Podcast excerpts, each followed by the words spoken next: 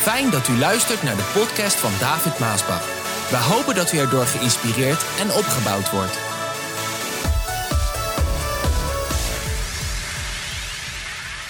Christenen van Nederland, houd je rug recht. Kijk, dat is. Nou voel ik het. En als ik dat voel, dan geeft mij dat weer vuur en kracht om te prediken. En de lange titel is eigenlijk: Christenen van Nederland, hou je rug recht. En buig niet voor de goddeloze wetten van een goddeloze regering. Nou, gelukkig heb ik nog wat amens hier. Dit is belangrijk vandaag. En ik, ik word daardoor gedreven door de geest Gods om deze dingen te zeggen, ook juist in onze tijd. Want we hebben een goddeloze regering. En er komen heel wat goddeloze wetten. En de kinderen groeien op met die wetten. En christenen van Nederland worden mat, matig en lauw. De kerk is lauw. En als we dan niet dit soort boodschappen horen, dan worden we nog lauwer totdat lauw koud is. En dat is de tijd waarin wij leven. We halen de voorbeelden uit het woord van God. Als ik dit moet onderbouwen, wat ik zeg, en ik onderbouw altijd degene, de dingen die ik zeg, onderbouw ik met het woord van God. Onderbouwing is altijd belangrijk en nodig. Dan ga ik natuurlijk naar het verhaal van ja, van Daniel, van Sadrach, Messach en Abednego. Een heel bekend verhaal. Je moet die verhalen aan je kinderen ook leren. Je moet ze zelf kennen uit je hoofd en je moet ze aan je kinderen leren. Heel bekend verhaal. Sadrach, Messach en Abednego. Zij waren daar in het grote Babylonische Rijk. Wie was de koning van Babylon? Nebukadnezar. Hij had een inval gedaan in Jeruzalem en mannen gevangen genomen. Onder andere Daniel, Sadrach, Messach en Abednego. Dat waren, ik meen dat hun naam waren Azaria, Shanania en Ezuel. Ik zal het nog even opzoeken. Ze hadden Hebreeuwse namen. Dat werd veranderd in die Babylonische namen. Sadrach, Messach en Abednego. En de Bijbel die vertelt ons daar in Daniel 3 dat Nebukadnezar was de grootste koning van het grootste rijk in die tijd. En hij laat een heel groot beeld bouwen. Meen 35 meter hoog, een paar meter breed. En hij had gezegd tegen zijn leiders, de regering, de overheid van die tijd, want die had je ook in die tijd had hij gezegd dat ik ga dat gouden beeld, was goud, ga ik oprichten in dat grote dal daar. En als het dan daar staat, dan moeten er allemaal muzikanten zijn. En als de muzikanten gaan spelen, dan is iedereen verplicht om zich neer te werpen voor dat beeld en dat gouden beeld te aanbidden. Dat gouden beeld te aanbidden. Ze moesten dus knielen voor dat beeld. En dat was een opdracht die de koning had gegeven. En hij had daar als straf op staan dat als je niet zou knielen voor dat beeld, dan zou je per direct in de vurige, in de brandende oven geworpen worden. Met andere woorden, je zou per direct ter dood gebracht worden. Op welke manier dat dan ook was je hebt eh, de elektrische stoel, je hebt de guillotine, je hebt eh, de kogel. En in die tijd was dat de vurige oven, was de brandende oven. Dat was het middel om je ter dood te brengen. Dus er zat een zware straf op als je niet aan zijn wet gehoorzaam zou zijn. Lieve mensen, vandaag hebben wij ook wetten waar straffen op staan. En nou kennen we in Nederland niet de doodstraf, maar we kennen wel straffen. En er zijn allerlei soorten straffen. En er zijn ook allerlei soorten wetten. En ook goddeloze wetten. En dit was er bijvoorbeeld één van, van Nebukadnezar. En zo gezegd, zo gedaan.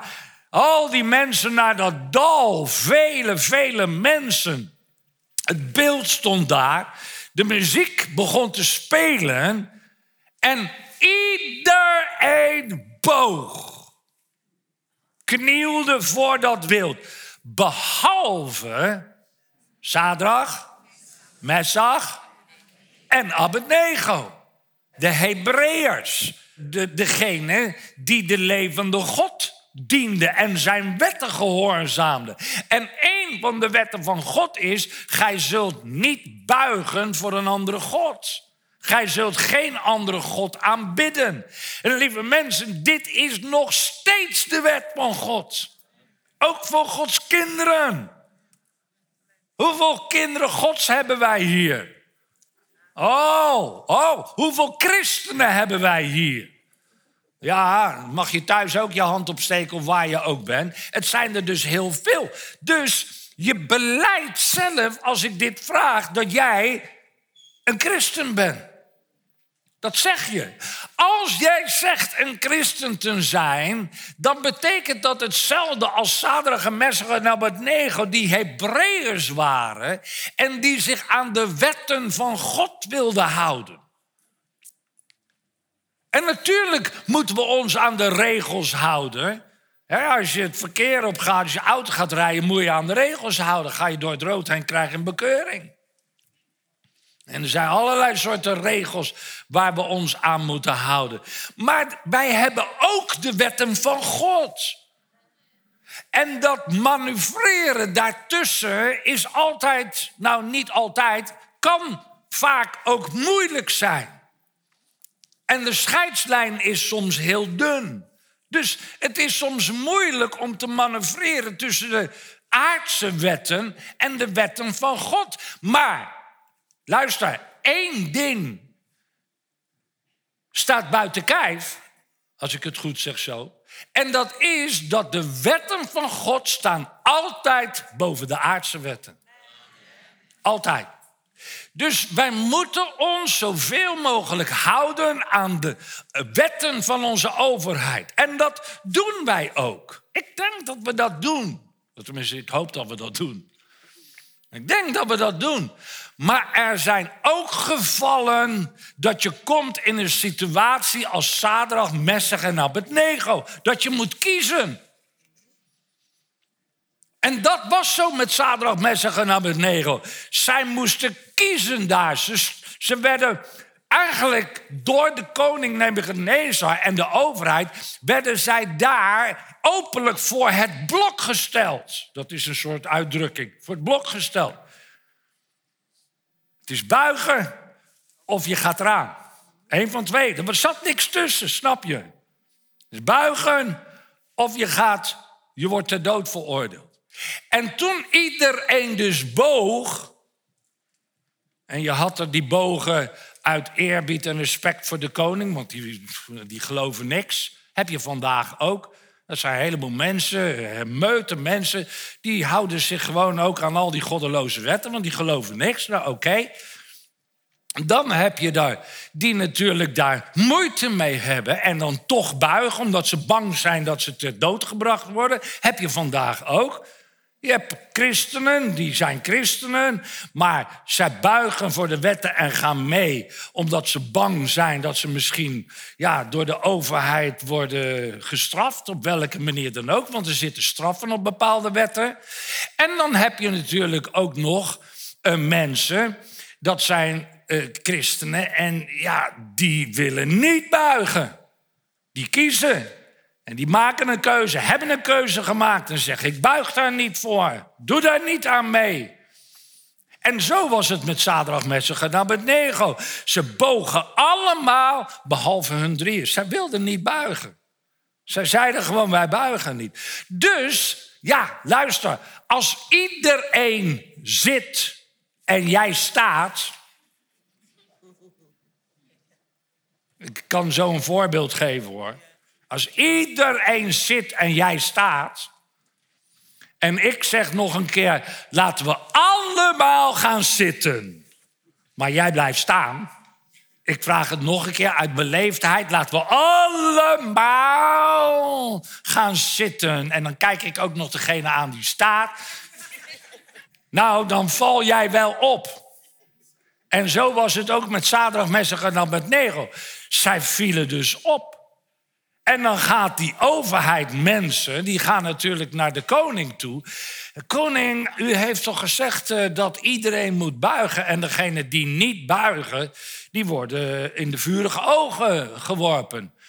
Eerst even wachten op het antwoord, want het moet even bevestigd worden. Ja, dat heb ik gezegd. Oh koning, nu dat u dat zegt. Er zijn drie mannen uit Hebreeën, de Hebreërs Judese mannen. En zij willen niet buigen. Nou, en dan wordt de koning boos. Althans, die geest die dit allemaal bekokstoofd heeft in Nebuchadnezzar wordt boos. Want zie je, we hebben te maken met krachten in de wereld. Paulus die zegt het ander, we vechten niet tegen vlees en bloed. We hebben te maken met overheden en machten, boze geesten in de lucht die je niet kan zien. Er zijn krachten gaande, ook vandaag. Machten gaande in mensen, ook van overheid. Die bepaalde dingen willen, boze geesten die bepaalde dingen willen bewegen of koers willen mensen op koers willen brengen waar hun de mensen naartoe willen brengen. Nou, en dat als, ja, gewoon in de wereld gebeurt dat vaak met grof geweld en zo. Maar in de overheid gebeurt dat heel listig. Gebeurt dat heel met, met mooie woorden, met, met uh, omhaal van, van, van voorstellingen en woorden. Om dat noem je eh, politiek gepraat. En, en, je hoort ze al. Ach, ach, als ik ze dan ook hoor, dan, dan denk ik, joh, je kan iedereen in de maling nemen, maar ik weet precies wat jij zegt. Maar, maar je doet dat heel slim. Listig is een beter woord. De duivel is ook listig. Die boze machten zijn listig. En dan gebruiken ze allerlei listige kneepjes en woorden. En vooral degene die, uh, die, die, ja, als ze daar natuurlijk voor het preekgestoelte staan, want die heb je ook daar in de Tweede Kamer. En laat ik zeggen, spreekgestoelte is beter.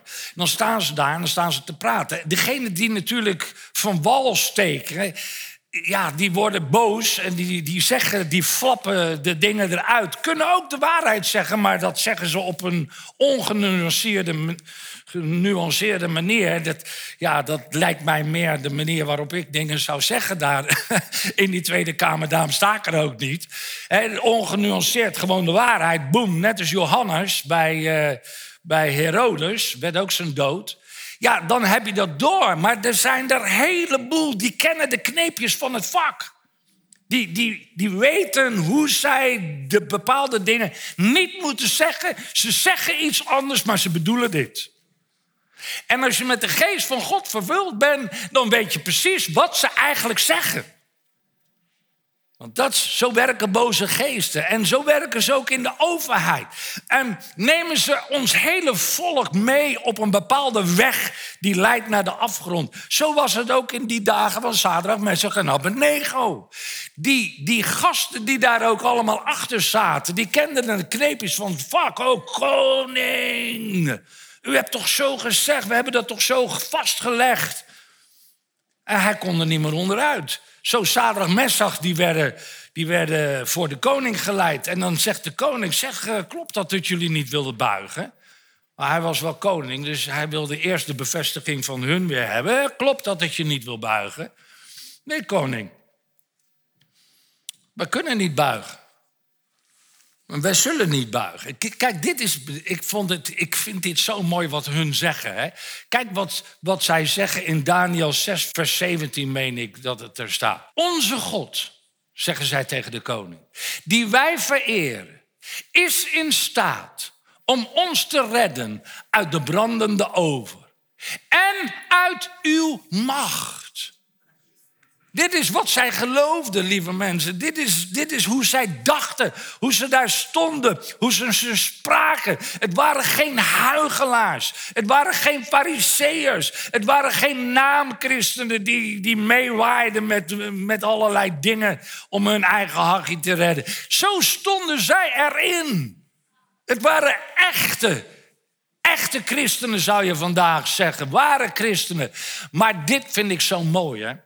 Deze nuance brengen hun erin, wat ik vandaag ook zo mooi vind. Maar ook als hij dat niet doet. En ik vind dit zo belangrijk, lieve mensen. Want wij, ik weet dat we God lief hebben. Ik weet dat we God dienen en willen volgen en willen gehoorzamen. Ik weet dat we de dingen als New Jenners, dat wij leven naar de wetten van God. En dat wij de Heer vertrouwen op het feit dat Hij ons zal redden. Dat Hij met ons zal zijn. Dat Hij ons zal uitredden, net als de verhalen die we kennen in de Bijbel. Dat beleiden we ook, dat geloven we ook. Maar zij brachten dit erin waar ik van hou. Maar ook als Hij het niet doet. Ook als we er doorheen moeten gaan. Ook als we in de gevangenis komen. Ook als we voor het gerecht worden gedaagd. Omdat wij onze stand innemen en niet buigen. Dit vind ik zo belangrijk. Ook al doet hij dat dus niet. Dan nog zullen wij uw goden niet vereren. En uw gouden beeld zullen we niet aanbidden. Dit, lieve mensen, is wat we vandaag ook zoeken in Gods kinderen. Dit is wat wij ook zoeken in christenen vandaag. Mensen die, die echt zijn. Oh, lieve mensen, we hebben zoveel onecht in de wereld. We hebben ook zoveel christenen die meegaan met al die, die buigen net als al die mensen. Ook voor de goddeloze wetten en de goddeloze gedachtegangen. Die zo subtiel door die goddeloze D66ers. Want dat zijn ze, die, dat is de belichaming voor, voor alles wat goddeloos is. Maar goed, die liberalen ook, vergis je niet erbij. Maar zie, het komt uit een koker. Al die, al die goddeloze gedachtegangen, al die goddeloze, die, die, die dingen die tegen echt. Eh, je hebt, je hebt, je hebt mensen die, eh, die ja, hoe moet ik het uitleggen? Mensen die eh, misschien onder jouw collega's of familieleden, dat jij naar de kerk gaat, dat je bij Maasbach komt, komt. Joh, je doet maar, het kan mij niet schelen, ik moet er niks van hebben, helemaal niks, maar goed, jij doet maar. Dat zijn van die mee, die laten je vrij. Ze hebben zelf niks met God, maar dat jij een christen bent, je doet maar. Maar je hebt ook, dat zijn anti-geesten. Anti die, die God tergen, die God uitdagen, die willen staan. En, en, en wat wil je nou met God? Maar geloof, er is geen God. God bestaat niet. En alles wat van God is, is dat zijn die antigeesten. En, en zo zie ik dat ook met die D66'ers. Dat, zijn, dat, zijn, dat is een anti-godspartij. Al noemt ze zich katholiek en christen en weet ik van wat. Maar je ziet aan de vrucht ken je de boom. Dan heb je de liberalen, weet je wel. Dit, dat zijn mensen, joh, uh, iedereen moet vrij zijn. Laat mij vrij, laat ik jou ook vrij. Je doet maar. Dat zijn we die mega. Die buigen ook. Maar je hebt ook die geesten wat uit die kokers komen. En, en zo heb je dat vandaag ook in de regering. En lieve mensen, ik zou niet weten als het kabinet zou vallen... waar je nu op zou moeten stemmen. Want het liefste zou ik een hele grote partij hebben waarin we gewoon zeggen: mensen, Nederland is een christelijk land. We hebben wetten, we hebben regels, dit is het woord van God en we buigen niet. Maar ja, breng het maar eens terug. Dat is een andere preek, ga ik een andere keer op in. En zo was het ook met zaterdag, messen gaat naar beneden. Maar ook als hij het niet doet, dan zal ik niet buigen. Dat is wat we vandaag zoeken. We moeten meegaan met de wetten en de dingen van deze regering. Maar als die wetten in haaks komen te staan en dat wij voor het blok worden gezet om onze kinderen op een bepaalde manier op te voeden, waarvan wij weten dat heeft God gewoon verboden. God wil dat helemaal niet. Als ik daarin meega, als ik daarvan buig, dan verlies ik de zegen van God. Dan verlies ik mijn vrede, dan verlies ik mijn, mijn rust. Dan, dan kom ik in een probleem met mijn geweten tegenover God. Dan zou je moeten kiezen. Kijk, en dan komt de tekst van Jezus waarin hij zegt, niemand heeft verlaten. Vader, moeder, land, akker, huizen, etc. Familie, wat dan ook. Om mijn naams wil, of je zal honderdvoudig weder ontvangen. Die tekst, zie je, dit is belangrijk dat ik dit erbij noem, want ik weet, vroeger in die tijd, een aantal jaren geleden, is dit tegen mij gebruikt. Ook op de televisie, in de kranten, tot op de dag van vandaag, waarin mensen mij beschuldigen dat ik families uit elkaar haal. Dat ik, dat ik families uit elkaar scheur. En dat is niet waar. Dat is een leugen van de boze geweest. En daar kom ik misschien volgende week op terug. Als we met Daniel, Daniel verder gaan, in plaats van zaterdag en beneden gaan we naar Daniel. Want dat zijn die, die, die, die geesten die mij natuurlijk proberen tot zwijgen te brengen. Ze kunnen me niet pakken op, op goddeloze dingen, op scheidingen, overspel en al dat soort dingen. Dus ze zoeken het in mijn godsdienst, dingen die ik zeg. En dit is een van de dingen die zij zeiden en nog steeds zeggen en schrijven. Alsof ik mensen, familieleden doe breken met elkaar. Maar lieve mensen, dat heb ik nooit gezegd en dat leer ik ook niet. Want waarom zou je moeten breken met elkaar? Dat, ja, dat wij dat hebben meegemaakt in ons leven is onze zaak. Maar er zijn genoeg families die uit elkaar gaan vandaag.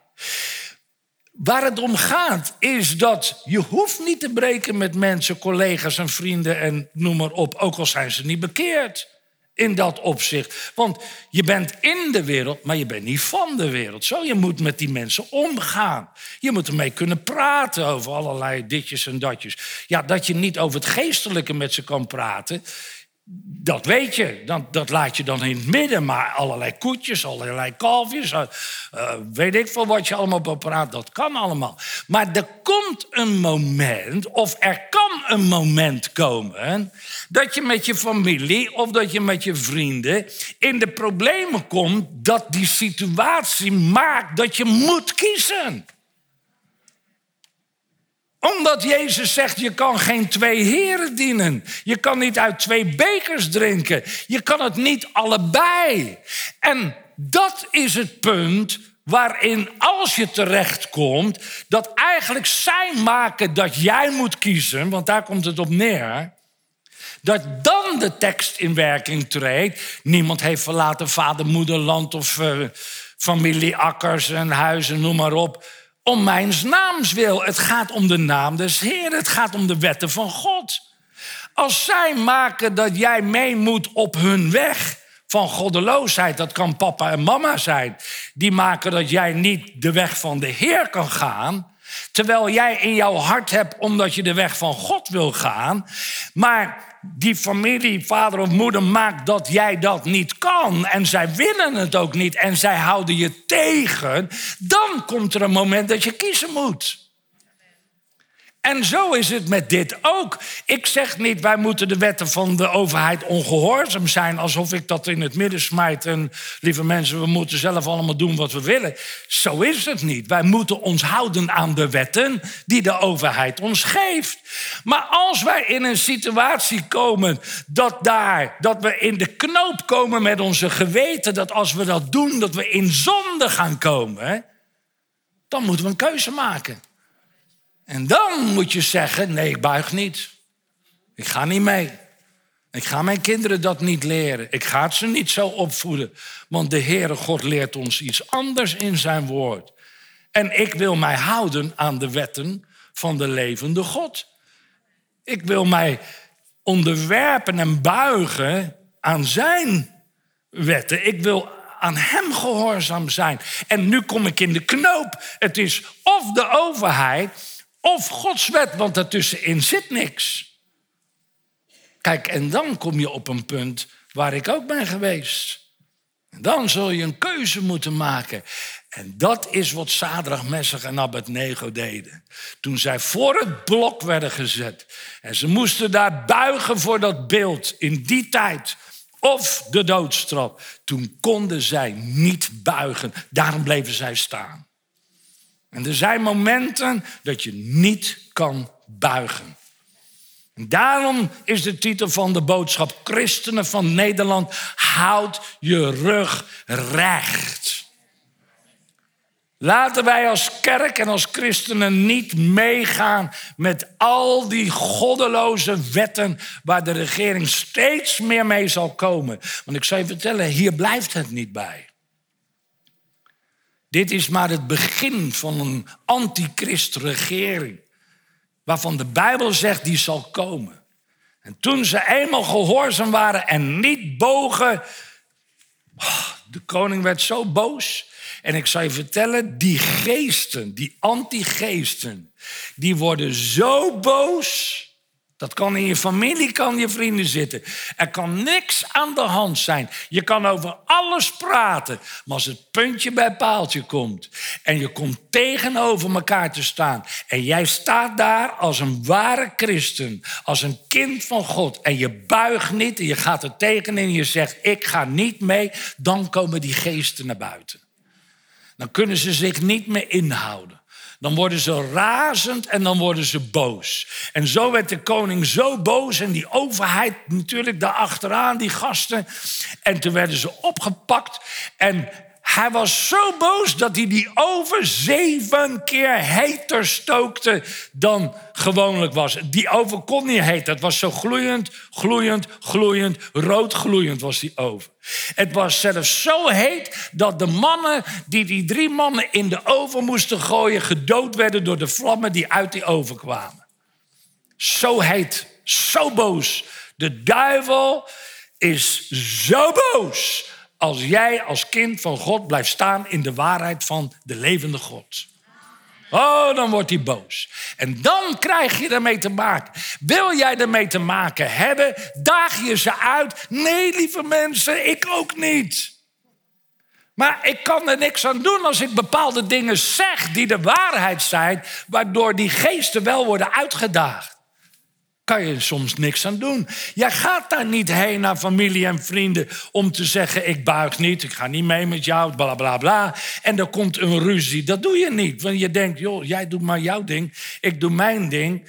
En uh, laat me alsjeblieft vrij, ik laat jou vrij. Dat is eigenlijk zoals we leven en we willen leven.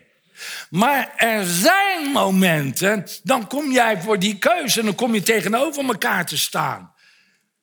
En als je dan gaat staan onder de salving van de Heilige Geest op de waarheid van het woord van God en je zegt: nee, ik ga niet mee. Waarom ga je niet mee? We doen, de hele familie gaat mee. Ja, maar we gaan daarheen en ik voel niet dat we daarheen moeten gaan. En zeker niet met die mensen, want ik ben een christen. Hoe bedoel je, je bent een christen? Een christen mag dat toch ook allemaal en daar komen en bla bla bla. En dan krijg je die ruzies. En als jij dan blijft staan, ik ga toch niet mee, nou dan kan het zijn dat je hele familie tegenover je staat. Maar beter aan de kant van God en je hele familie tegen je, dan aan de kant van je hele familie en God tegen je. Zo was het ook met zaterdagmiddag. Ze werden in de oven geworpen en het vuur brandde. Die andere mannen gingen dood. Iedereen stond te kijken. De overheid, Nebuchadnezzar ook. En plotseling schrikt Nebukadnezar. Het was niet het moment dat dat in werking hoefde te treden wat zij zeiden, maar ook als hij het niet doet, want God deed het wel hier. En het kan zijn dat hij het niet doet, maar hij deed het wel daar. En Jezus, die was met hun in de oven. Nebukadnezar schrok en hij schreeuwde het uit. Hij zegt, maar hoe kan dat nou? We hebben toch drie mannen in de oven gegooid. Ik zie er vier. En die vierde die lijkt op een engel. En hij beval om Sadrach, Messach en Abednego uit de oven te halen. Zij stapte uit die gloeiend hete, vurige oven. In het vuur, zij stapte eruit. Ik wil daarbij zeggen dat God had het ook niet kunnen doen. Maar hij deed het wel. Ach, ik bid vandaag, ook als doet hij het niet, dan bid ik, oh Heer, doe het toch. Doe het toch. Maar ook al doet hij het niet, dan verlies ik niet mijn geloof.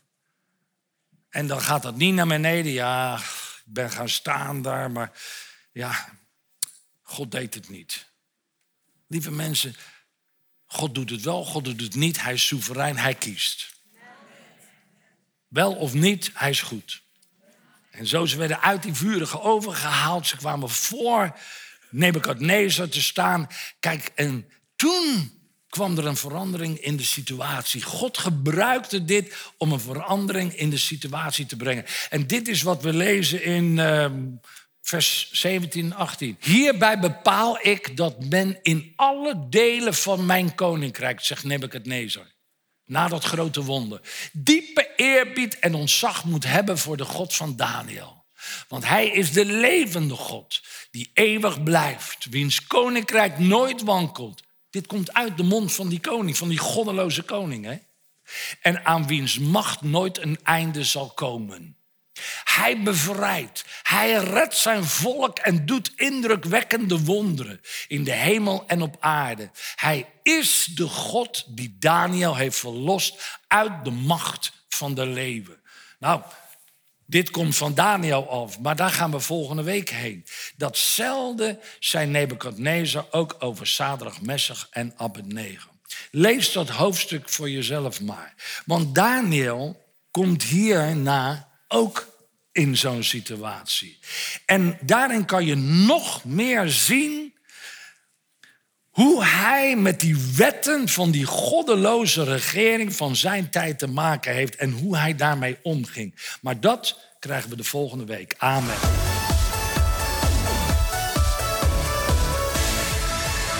Bedankt voor het luisteren naar deze podcast. Wilt u meer preken beluisteren? Ga dan naar message.maasbachradio.com. Bezoek ook eens onze website www.maasbach.nl.